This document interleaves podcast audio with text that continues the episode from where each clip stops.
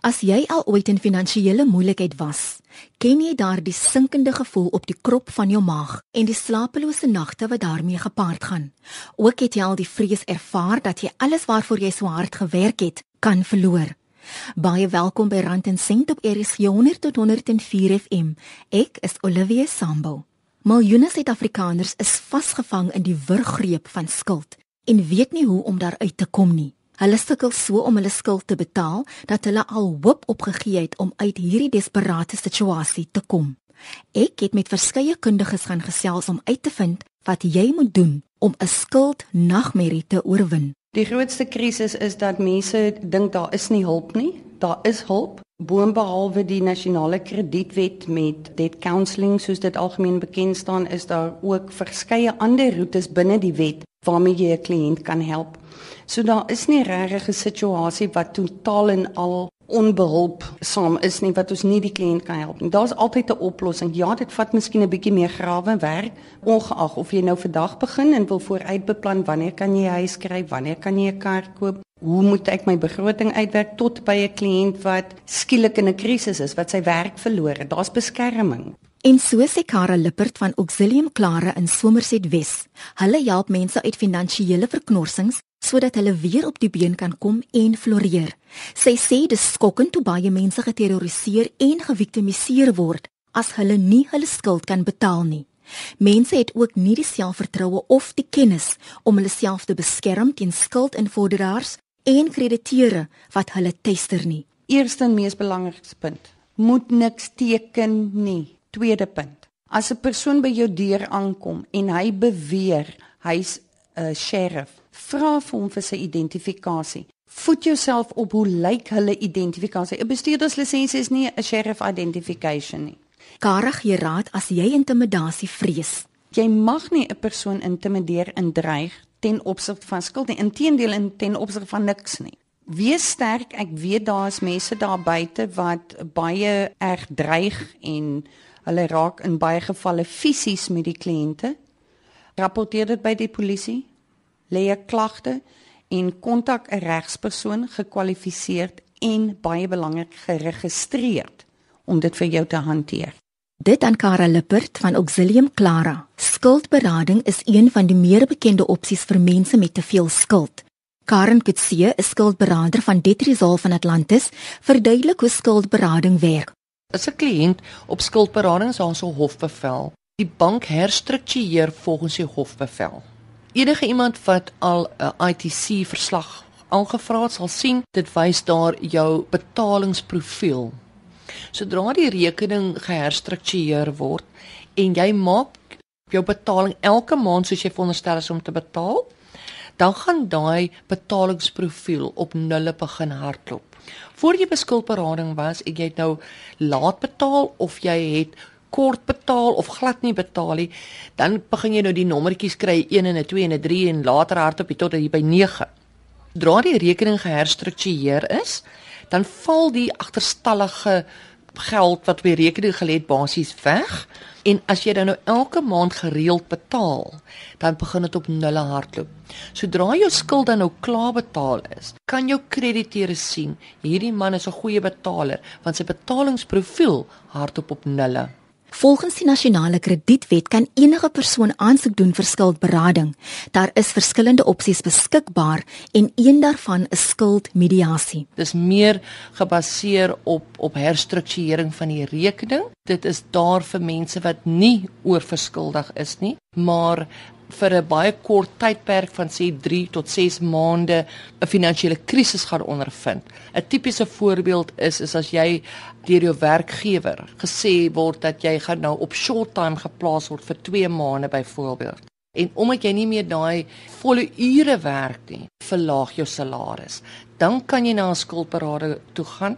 Die skuldberader sal dan met die bank onderhandel om daai 2 maande of 3 maande of 6 maande vir jou 'n verlaagde paaiement te bewerkstellig, waarna jou paaimente gaan terugkeer na normaal en nog 'n bietjie meer sodat die kontrak binne dieselfde tydperk afbetaal word. Dan is daar formele skuldberading waar die man of die vrou hulle werk verloor het. Daar's een inkomste wat wegval uit die huishouding uit en nou kan hulle nie meer lewensonkoste dek en hulle skuld dek nie. Die skuldberader sal al die krediteure namens jou in kennis stel.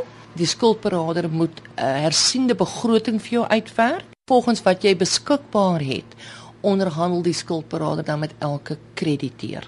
Volgens die kredietwet het kliënte wat onder skuldberading is, verskillende opsies om hulle krediteure te betaal.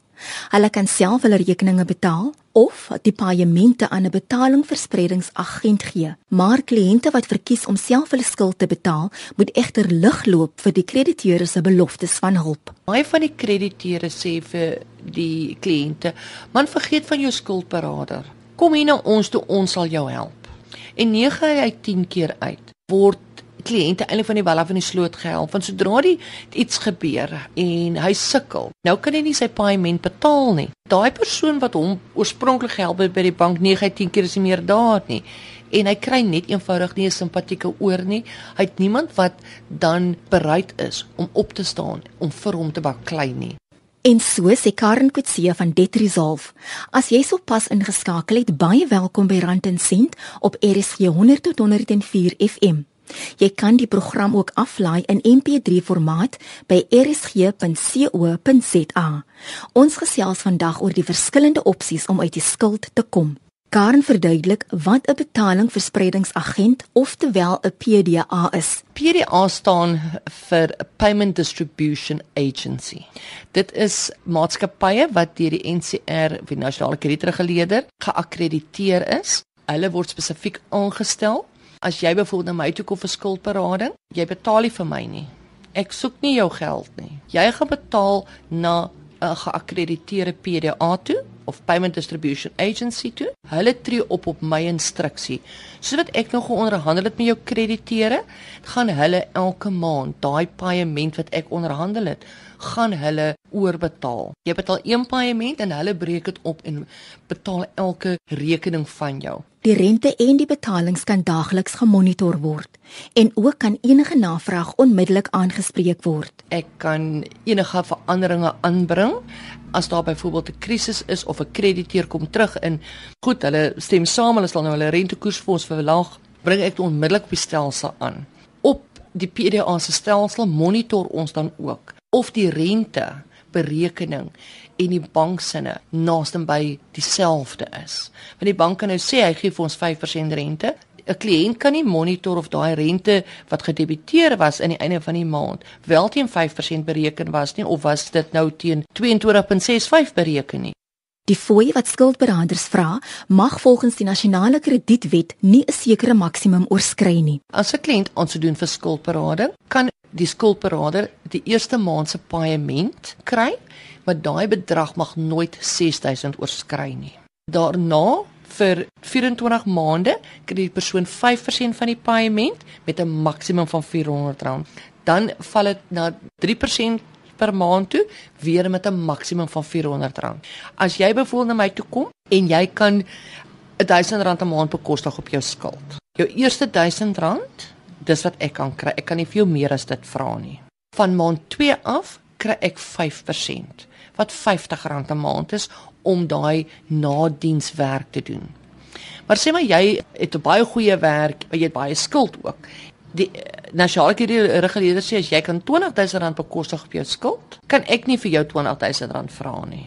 Dis jammer, dit is belaglik kan ek vir jou maksimum R6000 vra. Ek gaan nie dan nie 5% kry van R20000 nie, want dit is maksimum R400. Skuldberaders is geregtig op 'n nadiensfooi vir so lank as wat die persoon berading kry. Dit is basies om al die krediteure queries uit te sorteer, die krediteure te help, kredietbeheer te doen, seker te maak as die kliënt se paaiement betaal het, het die PDA elke krediteur betaal wat hulle veronderstel is te betaal.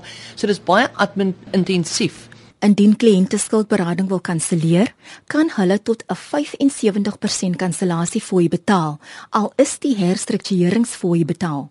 Maar kliënte moet mooi nadink voordat hulle berading kanselleer. Die kliënt moet dan basies 'n aansoek bring by die hof en aan die hof bewys lewer dat hy nie oorverskuldig is nie, dat hy wel sy volle paemente kan betaal. Sodra hy hofbevel tersyde gestel het, is dit asof dit nog nooit gebeur het nie. Enige krediteure, ek sê nie hulle sal nie, hulle kan omdraai en sê, "Oké, okay, daar's nou nie meer 'n hofbevel nie. So op jou huisverband in plaas van R2000 'n maand het ons nou R1700 'n maand ontvang vir die laaste 4 jaar. Hulle kan sê ons gaan terug na jou oorspronklike kontrak toe en al daai R300 per maand wat nou kort minder ontvang is, kan hulle op, op een slag van jou wil verhaal. Bly op skuldberading vir die volgende 6 maande, 8 maande, selfs 'n jaar om daai verband meer geld te gee en dan doen ons aansoek vir 'n tersydestelling want dan weet ons enige agterstallige bedrag wat daar kan wees indien die bank wil teruggaan na die oorspronklike kontrak toe is nou heeltemal uitgewis. Kliënte moet onthou dat dit hulle verantwoordelikheid is om gereeld te monitor of hulle rekeninge wel betaal word. Ek sê nie hy moet elke maand elke winkel bel en sê het julle my paaiement gekry nie, maar hy moet hy kan nog steeds so af en toe 'n spot check doen of op sy state kyk wat hy van die winkel af kry. Wat se bedrag kry hulle? Kliënte moet ook weet dat as hulle op skuldberading is en hulle betaal na 'n PDA, is hulle geregtig op 'n volledige staat elke maand. As die kliënt 'n e-posadres het, sal die PDA dit vir hom e-pos anders te gestuur of hom 'n SMS. Maar kliënte moet waaksaam wees vir skuldberaders wat nie inligting aan hulle wil verskaf nie. As 'n skuldberader vir 'n kliënt sê, "O, jammer, ons kan dit nie nou vir jou gee nie," as gevolg van wat ook al 'n rede, dan is dit gevaarligte. Tensy Eskom besluit hulle gaan nou load shedding doen en daar's nie krag nie, dat hulle nou nie die rekenaars kan aansit of internet het nie. Dis basies al verskoning wat daar kan gebruik word oor hoekom 'n kliënt nie onmiddellik 'n staat kan kry van wat van sy geld geword het nie. Want alle skuldberaders het in alle tye die inligting tot hulle beskikking. En so gesels Karen Kutse van Debt Resolve. Jy is ingeskakel op Brand en Sent op RSG 100 tot 104 FM. Jy kan my kontak by olivia.sambo@gmail.com. Ons praat vandag oor hoe jy gehelp kan word om uit die skuld te kom.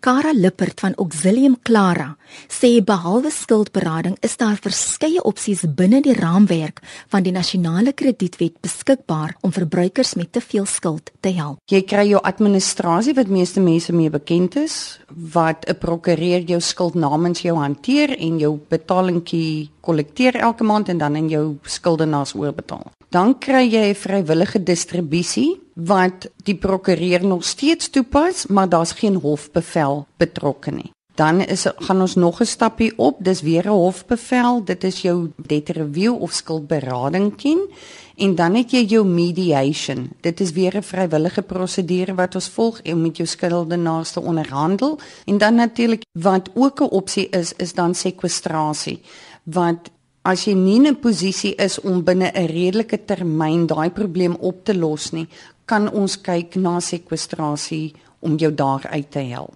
Elke kliënt se situasie is uniek en moet daar 'n opsie gevind word wat die spesifieke individu se skuldprobleem kan oplos. Die eerste stap waarna gekyk word is hoeveel skuld jy het en watter opsie die beste sal werk. As jy 'n kliënt vat wat hy 'n tydelike situasie, teen die tyd wat die skuldberadingsproses geprosesseer is in die hof is, is sy probleme opgelos. Nou sit hy weer met 3 na 6 maande om die skuldberadingsproses om te keer waar ons dan liewer vrywillige distribusie kon gebruik het om vir hom deur daai 3 of 4 maande te kry waar hy homself bevind. So daar is baie faktore waarna ons kyk werksituasie, indien die persoon sy werk verloor, hoe gou gaan hy werk kry, die bates wat hulle besit, in terme van eiendom, voertuie, meubels, sowel as wat is die bedrag van die skuld en watse tipes skuld dit ook is, maak 'n groot verskil. Hoewel skuldberading baie mense uit die moeilikheid gehelp het, is daar talle gevalle van skuldberaders wat kliënte lelik uitgebuit het en sodoende desperate mense se lewens byna verwoes het. Kara moedig mense aan om eerder na 'n prokureur te gaan vir hulp, want dan het hulle beter beskerming. Jy hoor partyke mense vat mense se betalings, die krediteures nie betaal nie en hulle vat die pad. Teen 'n skuldberader is daar baie min aksie wat jy kan neem. Jy kan hom miskien sy persoonlike danigheid ensovoorts aanneem, maar werk jy met 'n regspersoon soos 'n prokureur geregistreerd uit 'n aktiewe Fidelity Fund sertifikaat, dan het jy ten minste sekuriteit om te weet vat hy my geld, gaan hy maan toe, kan ek my geld terugkry wat jy nie het in die beradings arena nie. Daar is nie 'n versekering ensovoorts alhoewel sommige beraders ook 'n Fidelity Fund sertifikaat het, maar dis nie 'n voorvereiste nie. Ongelukkig is die werklikheid dat daar in elke bedryf oneerlike jakkalse is wat mense inloop en die hele bedryf 'n slegte naam gee. Kara moedig kliënte sterk aan om navorsing te doen voordat jy enige maatskappy se dienste gebruik. As jy slegte ondervinding by 'n prokureursfirma gehad het, maak seker die persoon is geregistreer. Dan het is daar aksie wat jy kan neem. Doen jou huiswerk voor jy met 'n maatskappy besigheid doen. Kyk wat het hulle gedoen. Kyk wat is hulle aanslag. Veral by prokureurs moet die publiek besef dat prokureurs spesialiseer in hun veld. So gaan na 'n spesialis toe wat jou kan help in daai gebied. Verbruikers sukkel ook soms dat slegte skuldverwysings van hulle rekords verwyder word al het hulle reeds die skuld betaal. Sê byvoorbeeld hy was vir skuldberading, dan sal dit op sy kredietrekord staan. As hy skoon betaal is, dan moet die persoon wat die skuldberading vir hom doen, die beraader, moet 'n sertifikaat uitreik en dit verwyder van sy kredietrekord. Maar nou kry ons al hoe meer en meer die situasie wat die prokureurs wat die hofbevele gekry het in terme van soos die soos die normale mense ken judgments en goed. Die ding is betaal maar hulle haal dit nie af nie en hulle is veronderstel om dit af te haal. Dit aan Kara Lippert van Auxilium Clara. Edouan Matthee van Matthee Prokureurs in Somerset Wes spesialiseer in skuldprobleme en hulle bied 'n verskeidenheid produkte aan om mense weer op die finansiële pad na sukses te plaas. Hy beklemtoon dat niemand jou kan dwing om enige dokumente te teken nie. Geen persoon kan van jou verwag om enige dokumente te teken nie.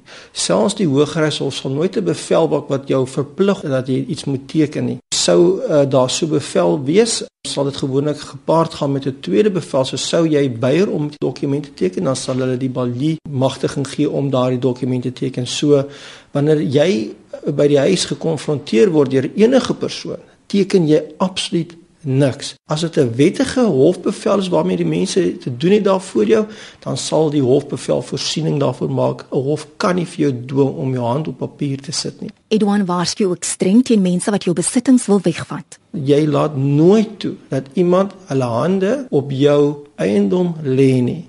Die enigste persoon wat kan kom beslag lê op jou goed is die balie as iemand daar by jou deur aankom wat sê asseblief kry sy besonderhede, vra vir sy identifikasiekaart en maak ook ehm um, seker jy kan dit ook 'n plaaslike balie kontak en net seker maak daar behoort 'n nommer op daai kaart te wees en net seker maak of die persoon wel by hom werksaam is. Wanneer is balie ook 'n dokument op jou beteken moet hy altyd die oorspronklike vir jou wys en hy moet 'n afskrif vir jou gee waar die masters iets wegvat wat die hofbevel volmagtiging gegee het om weg te vat. Die eerste stap is is dat daar eers beslag gelê word en dan sal dit later as die skuld nog steeds onbetaald uh, bly, dan sal hulle later nou die um, balie stuur om die goedere te kom ophaal, maar jy sal dit weet voor die tyd. In uitsonderlike gevalle kan dit gebeur dat die goed onmiddellik verwyder moet word, maar dis gewoonlik in gevalle waar daar gevaar is dat die persoon kan wegraak met die goed of iets in daai lyn. Maar die algemeen gebeur dit nie sommer nie. In terme van die wetgewing mag jou werkgewer ook nie geld van jou salaris aftrek sonder jou skriftelike toestemming nie. Geld kan ook net afgetrek word as dit 'n hofbevel is. Soos jy dit nie kan bekostig nie, kan 'n hof aansoek gebring word. Dit gebeur gereeld dat ons sien dat 'n onwettige besondersbeslag beveel is deur maatskappye wat op 'n of ander manier 'n bevel bekom het. Maar ons waarsku altyd die mense, sê altyd vir die mense, gaan eerder na 'n prokureur en laat hy vir jou help 'n bietjie adviseer. Dit kos jou dalk 'n paar rand, maar of jy duisende rande spaar. Jy moet ook kennis neem van die kostes en rente wat bereken word as jy reeds te veel skuld het. Edouan waarsku dat regskoste alle ander koste, selfs die rente kan oorskry. 'n Mens moet altyd kyk waar kan 'n mens kostes spaar. Die eerste ding wat mens moet beperk is regskoste is natuurlik en natuurlik eh, rentes en goed mens kyk waar mens dit kan spaar so gou as moontlik. So wanneer mens begin kyk na regskoste, mens moet versigtig wees want jou die regskoste kan wegloop met jou en jy dit is baie meer so die rente ooit kan wees. As jy sopas ingeskakel het, 'n baie hartlike welkom by Rand en Sent op RSG 100 tot 104 FM. Konsolidering van skuld word ook nie aangeraai nie, want dit kan jou skuld drasties vermeerder. Ons by Matthee Progress is glad nie teen gunste van skuldkonsolidasie nie. Daar sekerre beskermingsmeganismes wat 'n mens het en een van hulle is die gemeenregtelike en duplum reël. Basies kom dit daarop neer dat rente nooit jou kapitaal mag oorskry nie. So wanneer jou rente die kapitaalbedrag wat jy verskuldig is bereik het, dan vries rente daar, dan word daar geen verdere rente bygesit nie. As jy nou jou indupum reël bereik het en jy gaan nou na iemand toe om skuldkonsolidasie doen, dan bet, uh, maak jy nou 'n nuwe lening wat sal insluit jou kapitaalbedrag en rente by die eerste skuld, wat dan beteken dat hierdie nuwe skuld wat jy aangegaan het om hierdie vorige skuld te konsolideer weer kan oploop, so jy kan op die einde van die dag 4 keer meer skuld as wat jy oorspronklik geleen het. Daar is gevalle waar Edouan mense aanraai om niks omtrent hulle skuld te doen nie, want daar is niks wat gedoen kan word om hulle te help nie. Dis gewoonlik plaaswerkers of mense met baie min of geen bates. Daar's niks om beslag te lê op nie. Hy verdien 1500 rand 'n maand dalk. Um, en dan kry hy maar 'n bietjie kos by die boer of wat ook al die geval mag wees. Maar daar's niks om weg te neem nie. Um, hulle kan nie net 'n bevel kry maar die landers kan net 'n bevel maak wat jy kan bekostig. So as hy gedagvaar word voor die hof, dan sê vir hom, "Jy gaan net hof toe sê vir die landers jy kan dit nie bekostig nie." Vrywillige distribusie is ook een van die opsies wat oorweeg kan word om iemand uit die skuld te help. Dit word nie gereguleer deur wetgewing nie en word op dieselfde basis as skuldadministrasie gedoen. Eers word bepaal hoeveel die kliënt per maand kan betaal en dan word die geld ingevorder deur die prokureur. Ons verdeel dit vir die persoon om elke 3 maande onder sy skuldeisers. Ons kyk nou na opsies om dit elke maand te doen want die skuldeisers is maar moeilik as dit eendag elke 3 maande um, gebeur sou ook beter wees vir die rentekoerse. En natuurlik wat dan gebeur is dat ons um, staan dan invul. So as die die persoon na hof toe gevat word, dan sal ons na die hof toe gaan en hulle verteenwoordig daarso en hulle daardie hulp gee. Nog 'n moontlike opsie is sekwestrasie. Jou dilemma met sekwestrasie is dat mense moet gewoonlik ten minste tussen 15 en 20% kan betaal van die totale skuld en hulle moet ook sekuriteit gee wanneer hulle aansoek doen vir sekwestrasie en daardie geld het die mense ongelukkig nie. Maar dit begin al hoe meer en meer 'n opsie raak soos mense sien die skuld. Die oomblik as jy hierso oor die 500 000 rand se skuld gaan dan begin dit iets wat mense kan oorweeg want dan moet jy kyk om weer om 100 000 rand in die hande te kry maar die res van die skuld kan heel moontlik afgeskryf word. Die probleem is dat die mense het gewoonlik nie die 100 000 rand om af te betaal op hierdie skuldeisers nie Enige van die opsies gaan jou kredietrekord negatief beïnvloed, maar Edouan glo dis 'n bedekte seën. Wat my aanbetref is dit net 'n goeie ding as jy skuld skuld aangaan. Dis 'n goeie ding om 'n slegte kredietrekord te hê, want jy moenie skuld aangaan nie. Daar is omstandighede wat mense moet skuld aangaan en ek sê altyd gaan oor as jy huis kan koop, is goeie skuld. Jy sal nie glo nie ek kry mense versoeke wat klaar nie skuld moeilikheid is, maar nou word die kind 21 en dan wil hulle groot partytjie en dan wil hulle skuld aangaan vir sulke goed. Ek sê nee daarvoor. Dit is maar net ongelukkig hoe dit is. Daar's basies drie goed wat ons voor voor jaar sal sê en dit is huis, ja. 'n Kar as jy dit nodig het vir jou werk en jy nie met publieke vervoer oor die weg kom kom nie. Natuurlik vir studies ook. Dit is belangrik dat mense as jy jou inkomste kan genereer uit die skuld wat jy gaan maak. En dan miskien 'n vierde as jy 'n goeie besigheidsproposisie het en jy kan 'n ding maak werk, maar maak net seker dat dit goed reg is en dat dit te werk. Dis 'n ingewikkelde proses om die regte opsie vir elke persoon uit te werk en dit kan 'n lang en pynlike pad wees om uiteindelik vry van skuld te wees. Onthou, as jy sonder skuld kan klaarkom, bly sonder skuld. En die, die tweede ding is as jy nou eers in 'n moeilikheid gekom het, kry 'n manier om so gou moontlik daarby uit te kom. As dit 'n manier is om eerder besparing te begin uh, werk en dit nie nodig is om van iemand anders gebruik te maak soos 'n prokureur nie, is dit nog steeds die beste. Maak net seker dat dit werkbare opsies is en moenie dokumente gaan teken by die skuldeisers nie. Dit was Edouan Matthee van Matthee Prokureurs. Dis nou tyd vir my om te groet. Skakel gerus weer volgende week in om 5uur op Rand en Sent op RSG 100 tot 104 FM. Ek is Olivia Sambo en dankie dat jy saam gekuier het.